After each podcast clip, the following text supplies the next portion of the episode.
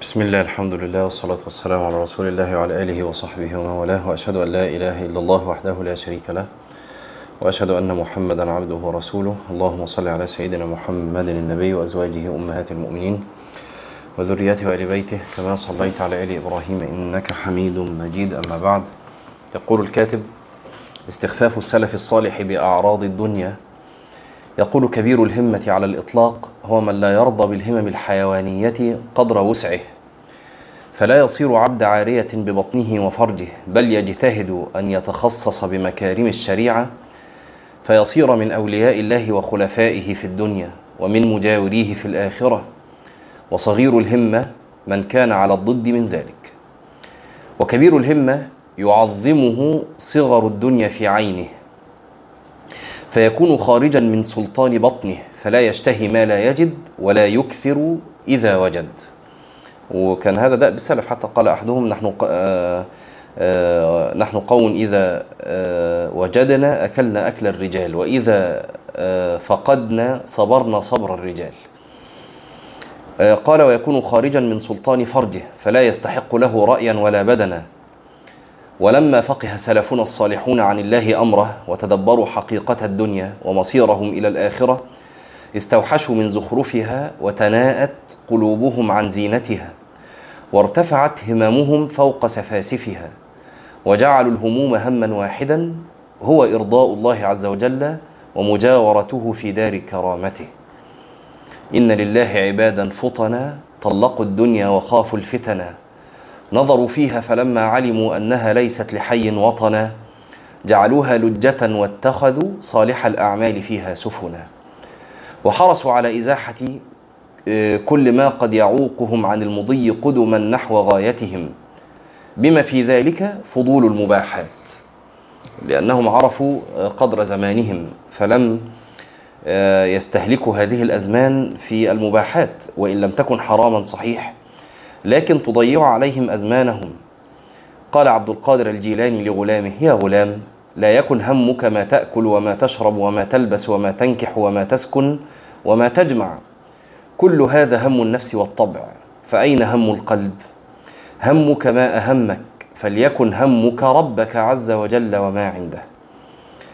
ولما هم الإمام الجليل الليث بن سعد بفعل مفضول ينافي العزيمة قال له إمام المدينة يحيى ابن سعيد الأنصاري لا تفعل فإنك إمام ينظر إليك. وهذه مسألة مهمة خصوصا للمتدينين ولمن لهم سمت. إنك شئت أم أبيت ينظر إليك. فهذه كفيلة بأنها يعني تحجبك وتح يعني تجعلك تحجم عن كثير من المباحات. خصوصا بقى إذا كنت ممن تصدر للدعوة إلى الله عز وجل أو كنت طالب علم وعرف ذلك منك فينبغي أن تلاحظ هذا. وكان بعض السلف يقول كنا نضحك ونمازح فلما صرنا يقتدى بنا خشيت ألا يسعنا التبسم. فهذا يعني موجود في السلف. وقال ابن القيم رحمه الله تعالى وقال لي يوما شيخ الإسلام ابن تيمية طبعا كان شيخ ابن القيم قدس الله روحه في شيء من المباح. قال هذا ينافي المراتب العالية هذا ينافي المراتب العالية وإن لم يكن تركه شرطا في النجاة. أو نحو هذا من الكلام. شوف يا جماعة فهم العلماء. علشان ما يجيش حد مثلا من طلاب العلم أو من الناس المتدينة أو المتصدرين للدعوة ويفعل امورا تشكل على الناس تشكل على العامة ويقول خلاف ذلك ده من التنطع وده من لا هذا جهل بحقيقة هذا الدين. وهو ابن الق... ابن تيمية ينصح ابن القيم يقول له في شيء من المباح مش حاجة مكروهة ولا حرام هذا ينافي المراتب العالية وإن لم يكن تركه شرطا في النجاة. وقبل ذلك عمر معروف لما ضرب ابنه لما وجده اشترى لحما من السوق. قال ما هذا؟ قال لحم اشتهيته فاشتريته. قال وكلما اشتهيت اشتريت. طيب إيه اللي فيها دي؟ واحد اشتهى لحما فاشتراه. لا عمر يربي ولده لأن هذا ينافي المراتب العالية. طب يعني حرام؟ لا مش حرام. مكروه؟ لا مش مكروه. لكن ينافي المراتب العالية. وكأن عمر لا يربي ولده إن هو يبقى من جملة الناس اللي هم بيفعلوا المباحات ويضيعوا فيها الأزمان لا. وقال الحافظ أبو الحسن علي بن أحمد الزيدي قال اجعلوا النوافل كالفرائض والمعاصي كالكفر والشهوات كالسم ومخالطة الناس كالنار والغذاء كالدواء. واضح.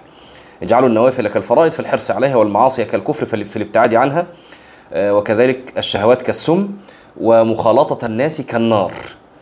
والغذاء كد... كل ده واضح. والغذاء كالدواء يعني تأخذ منه بقدر الإيه؟ الضرورة. يعني محدش رايح جاي ياخد دواء. ورحل يحيى بن يحيى إلى الإمام مالك وهو صغير. وهذه الحكاية فيها يعني فيها موعظة حسنة. رحل يحيى بن يحيى إلى الإمام مالك وهو صغير. وسمع منه وتفقه. وكان مالك يعجبه سمته يعجبه سمته وعقله.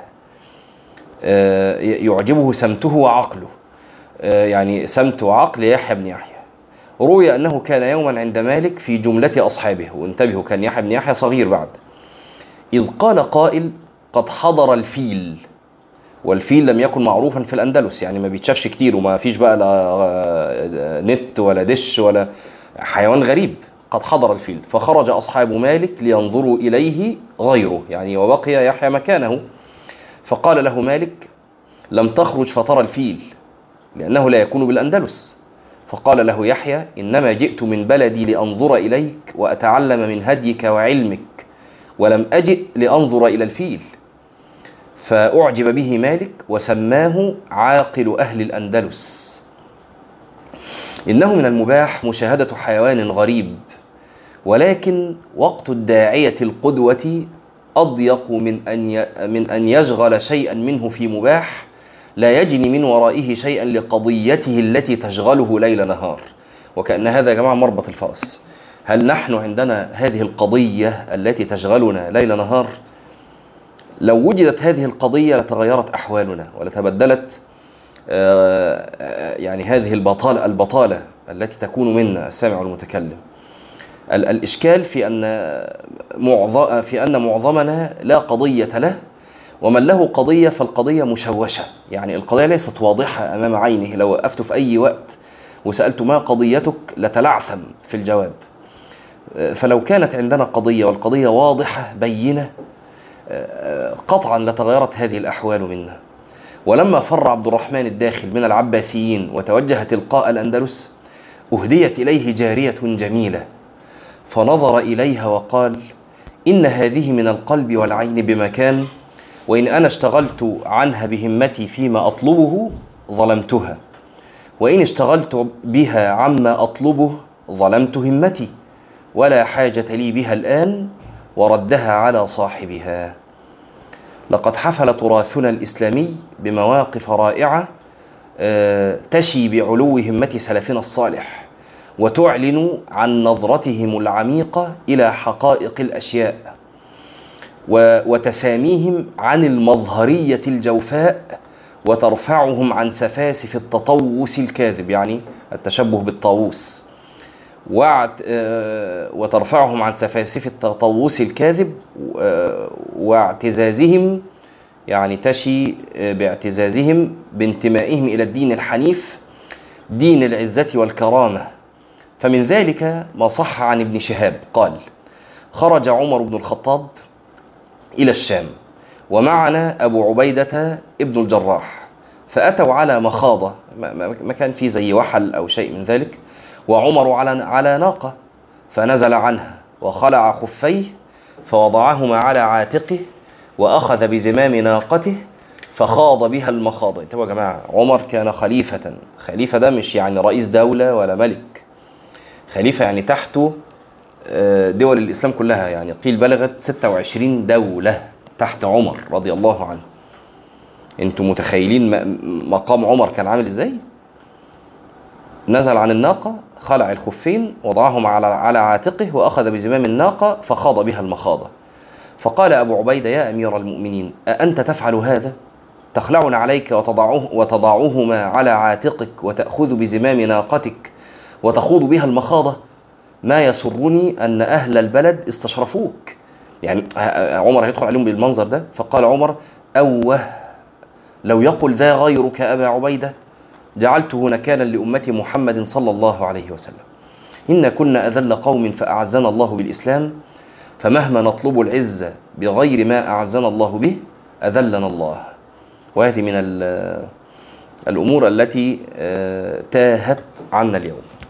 مهما طلبنا العزة في غير الله في غير هذا الدين أذلنا الله عز وجل. حتى إحنا يعني هذا الكلام نقوله لغيرنا بل نقوله لنا للي قاعد للساعة خمسة الفجر عشان يحضر درس. إحنا يا جماعة إحنا فينا من ابتعد عن هذا المنهج وذهب يطلب العزة في غير الدين في غير الله عز وجل. وفي رواية يا أمير المؤمنين تلقاك الجنود وبطارقة الشام وأنت على حالك هذه؟ فقال عمر إن قوم أعزنا الله بالإسلام فلن نبتغي العز بغيره. ودخل أعرابي رث الهيئة بالث بال العباءة على أمير المؤمنين معاوية رضي الله عنه فاقتحمته عينه. يعني كأنه إيه يعني أخذ يقلبه بعينه معاوية رضي الله عنه. فعرف الأعرابي ذلك في وجه معاوية رضي الله عنه. فقال يا أمير المؤمنين إن العباءة لا تكلمك ولكن يكلمك من فيها. فأدناه فإذا به مدره فصاحة في القول وبلاغة فجعله من خاصته يعني إمام وحد كده فخم يعني. والأمثلة على ما ذكرنا كثيرة حفلت بها تراجم العلماء العاملين. فمن أمثلة ذلك أن الإمام شيخ الإسلام النووي رحمه الله. كان إذا رآه الرائي ظنه شيخا من فقراء سكان القرى فلا يأبه له ولا ولا يخيل إليه أنه شيء يذكر. فإذا سمعه يدرس أو يقرر أو يحدث فغر فاه يعني تعجبا مما يرى. بحر في العلم الإمام النووي. وحملق بعينيه عجبا من هذه الأسمال أن تنكشف عن جوهر نفيس وعبقرية نادرة في العلم والزهد والتقوى.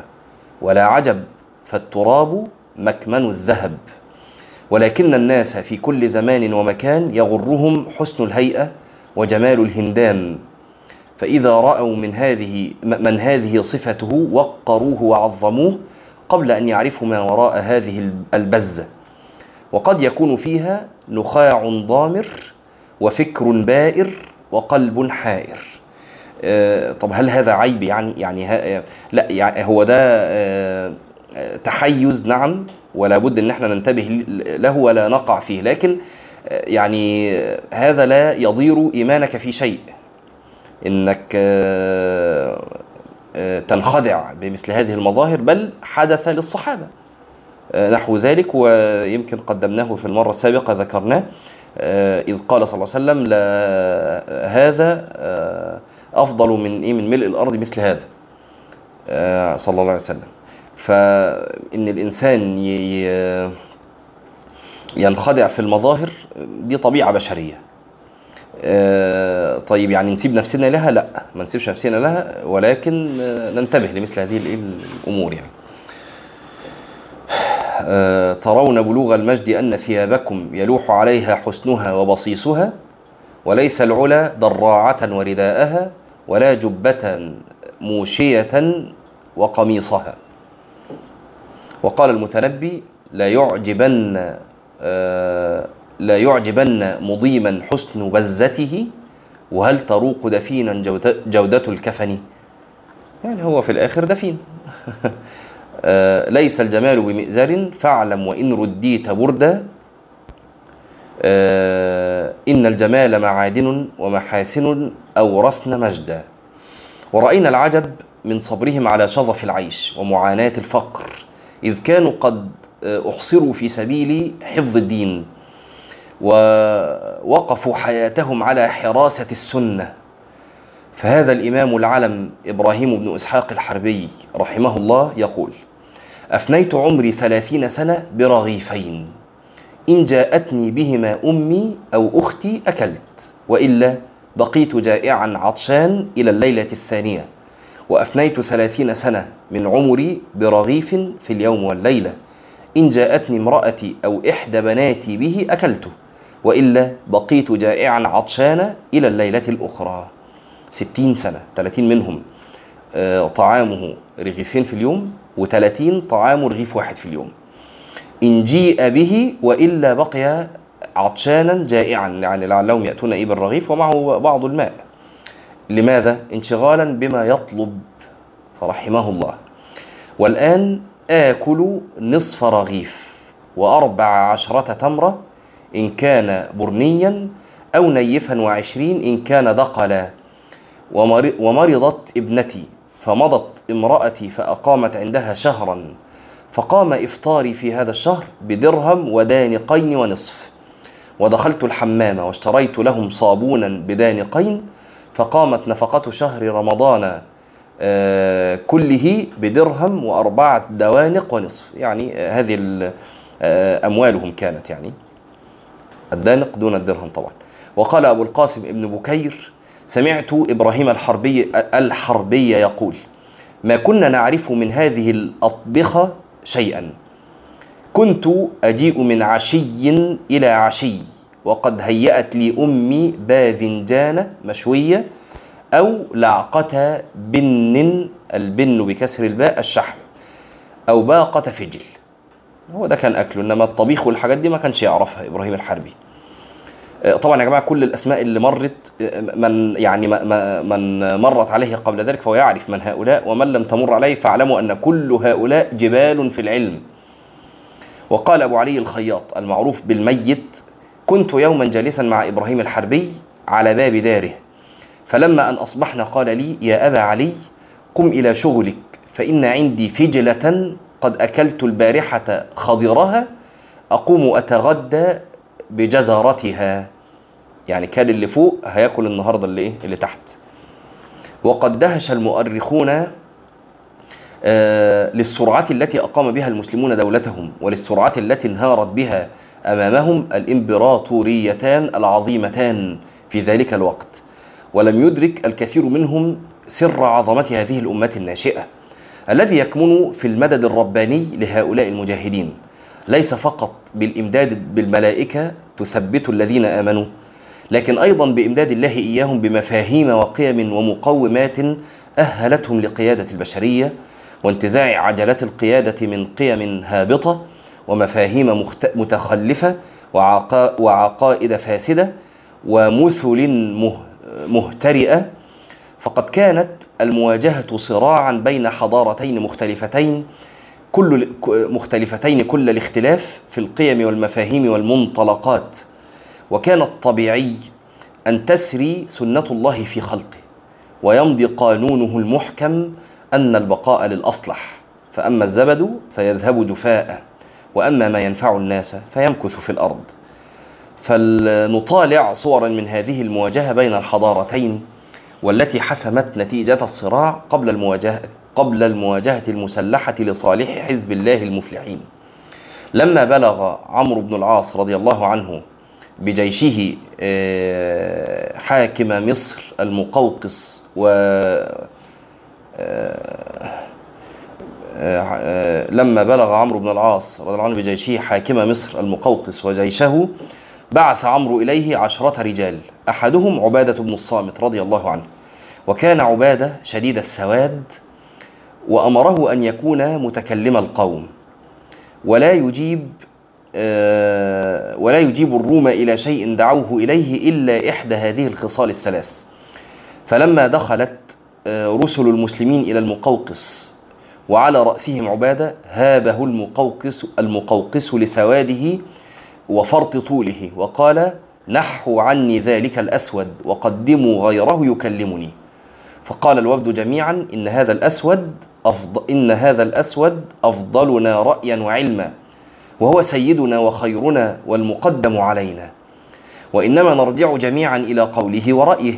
وقد أمره الأمير دوننا آآ آه، آآ آه، لما أمره. وأمرنا ألا نخالف رأيه وقوله. ثم قالوا وكان قولهم عجيبا عند المقوقس إن الأسود والأبيض سواء عندنا. لا يفضل أحد أحدا إلا بفضله وعقله وليس بلونه. ولم يراء في أن المقوقس كان مستاء من وجود عبادة آه، ابن الصامت آه، ذلك العبد الأسود. وحسب أن اختيار عمرو له ليكون متكلم القوم إنما كان تصغيرا لمقام المقوقس وتحقيرا لشأنه. فلما أجمع رسل المسلمين على أنه المتحدث باسمهم جميعا لم يرى المقوقس بدا من محادثة عبادة ومفاوضته فأومأ إليه أن يتكلم برفق حتى لا يزعجه. فقال عبادة إن في من آه، خلفت من أصحابي آه، ألف رجل أسود كلهم أشد سوادا مني وإني ما أهاب مئة رجل من عدوي لو استقبلوني جميعا وكذلك أصحابي. وذلك إنما آه، رغبتنا وهمتنا في الجهاد في الله واتباع وذلك إنما يعني مش من الجملة الظاهر مش راكبة رغبتنا وهمتنا في الجهاد في الله آه، واتباع رضوانه. وليس غزونا عدونا آه، وليس غزونا عدونا ممن حارب الله لرغبة في في دنيا ولا طلب للاستكثار منها لأن غاية آه، أحدنا من الدنيا أكلة يسد بها جوعه لليله ونهاره وشملة يلتحفها لأن نعيم الدنيا ليس بنعيم آه، ورخاءها ليس برخاء. إنما النعيم والرخاء في الآخرة وبذلك أمرنا الله وأمرنا به نبينا صلى الله عليه وسلم.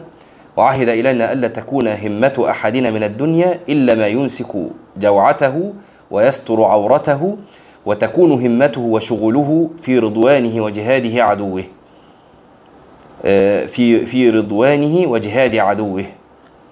فوقع هذا القول في نفس المقوقس وقعا شديدا.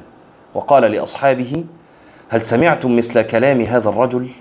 إن هذا وأصحابه قد أخرجهم الله لخراب الأرض. ثم أقبل على على عبادة وأراد أن يسلك معه طريق الإرهاب المغلف في قالب من النصح. فقال له أيها الرجل الصالح قد سمعت مقالتك وما ذكرت عنك وعن أصحابك ولعمري ما بلغتم وما ظهرتم على من ظهرتم عليه إلا لحبهم الدنيا ورغبتهم فيها. وقد توجه إلينا لقتالكم من جمع الروم ما لا يحصى عدده قوم معروفون بالنجدة, بالنجدة والشدة. ما يبالي أحدهم من لقي ولا من قاتل. وإننا لنعلم أنكم لن تقدروا عليهم ولن تطيقوهم لضعفكم وقلتكم. ونحن تطيب أنفسنا أن نصالحكم على أن نفرض لكل رجل منكم لكل رجل منكم دينارين دينارين. ولأميركم آه، مئة دينار ولخليفتكم ألف دينار فتقبضوها وتنصرفوا إلى بلادكم قبل أن يغشاكم ما لا قوام لكم به. وده يا جماعة كان آه، آه، مبلغ علم آه، فارس والروم عن العرب. العرب كانوا كده فعلا كانوا قبائل شتى لا يجمعهم أمر. فهو يعني إيه أنتوا جايين ليه يعني؟ جايين عشان يا عم كل واحد ياخد دينارين ويرجع. فنظر إليه عبادة بن الصامت شامخا وخاطبه بصوت كله ثقة وإيمان قائلا يا هذا لا يغرن نفسك ولا أصحابك ما تخوفنا به من جمع الروم وعددهم وكثرتهم وأن لا نقوى عليهم فلعمري ما كان هذا بالذي تخوفنا به ولا بالذي يكسرنا عما نحن فيه إن قتلنا عن آخرنا كان أمكن لنا في رضوانه وجنته. وما من شيء أقر لأعيننا ولا أحب إلينا من ذلك.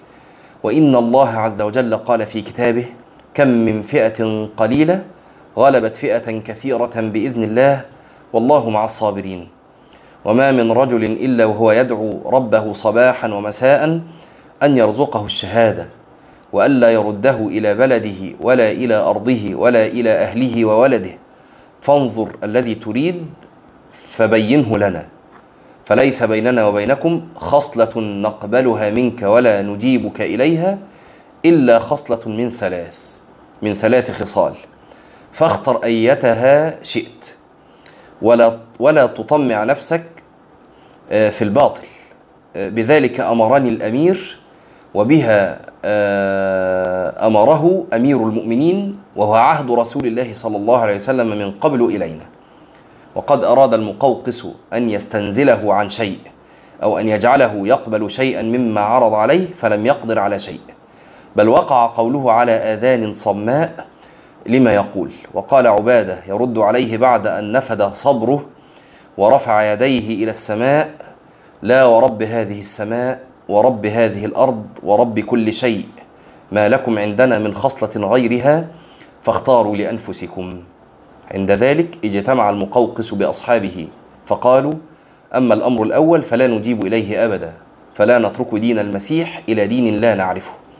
وبذلك رفضوا شرط الإسلام فلم يبقى أمامهم إلا شرط الجزية أو الحرب.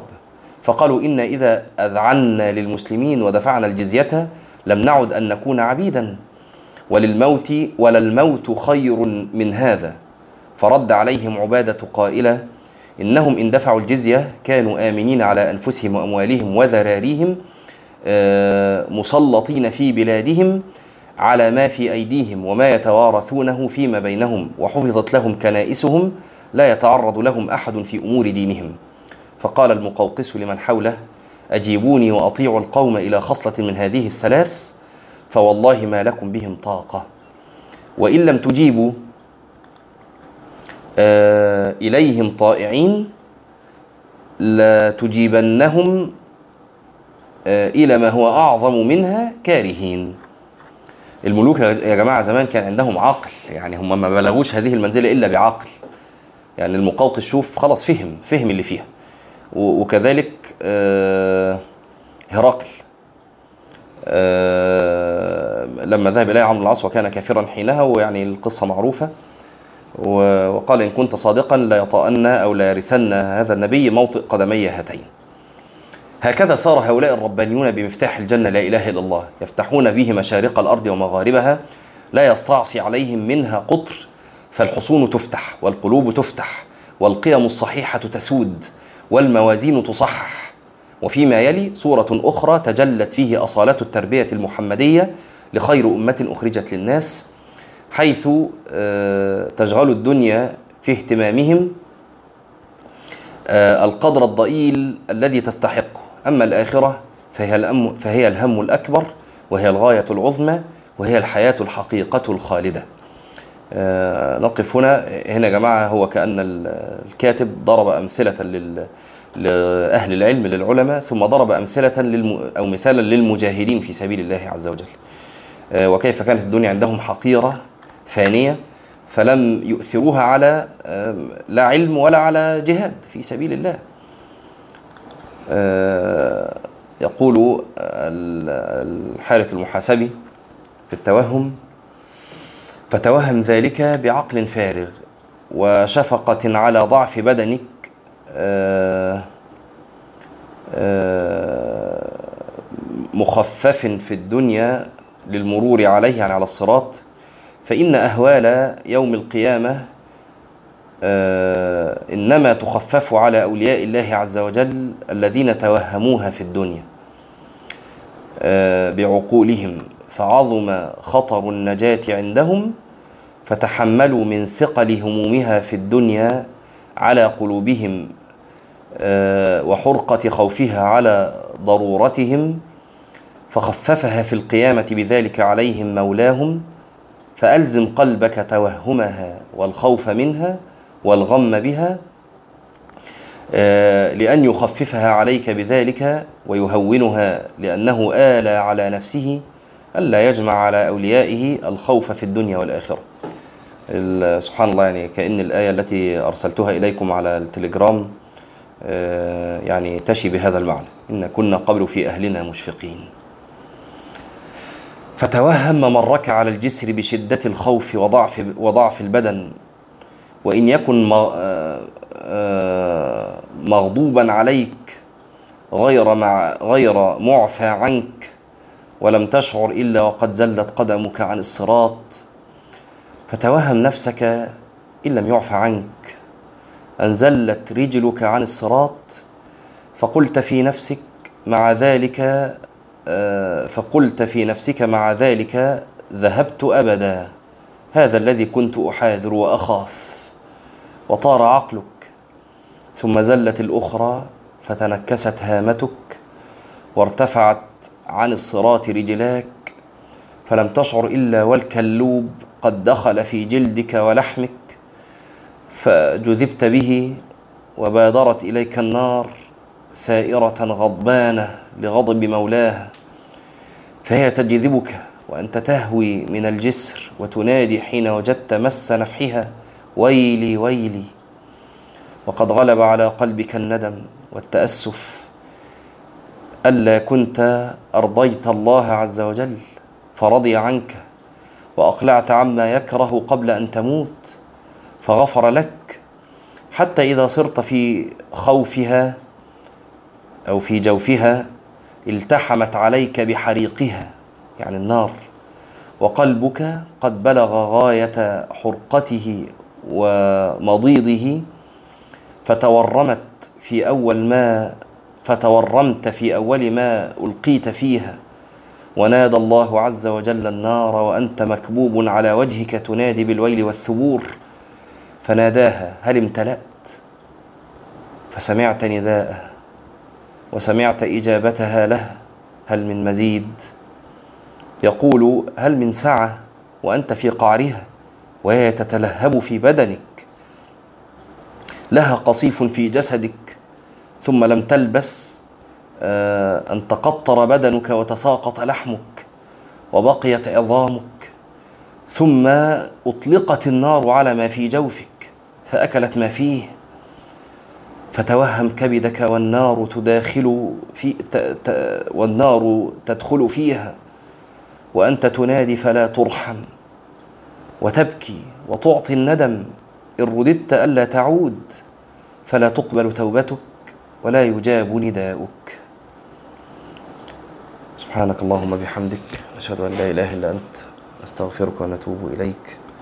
سبحانك اللهم وبحمدك نشهد أن لا إله إلا أنت نستغفرك ونتوب إليك. والسلام عليكم ورحمة الله وبركاته.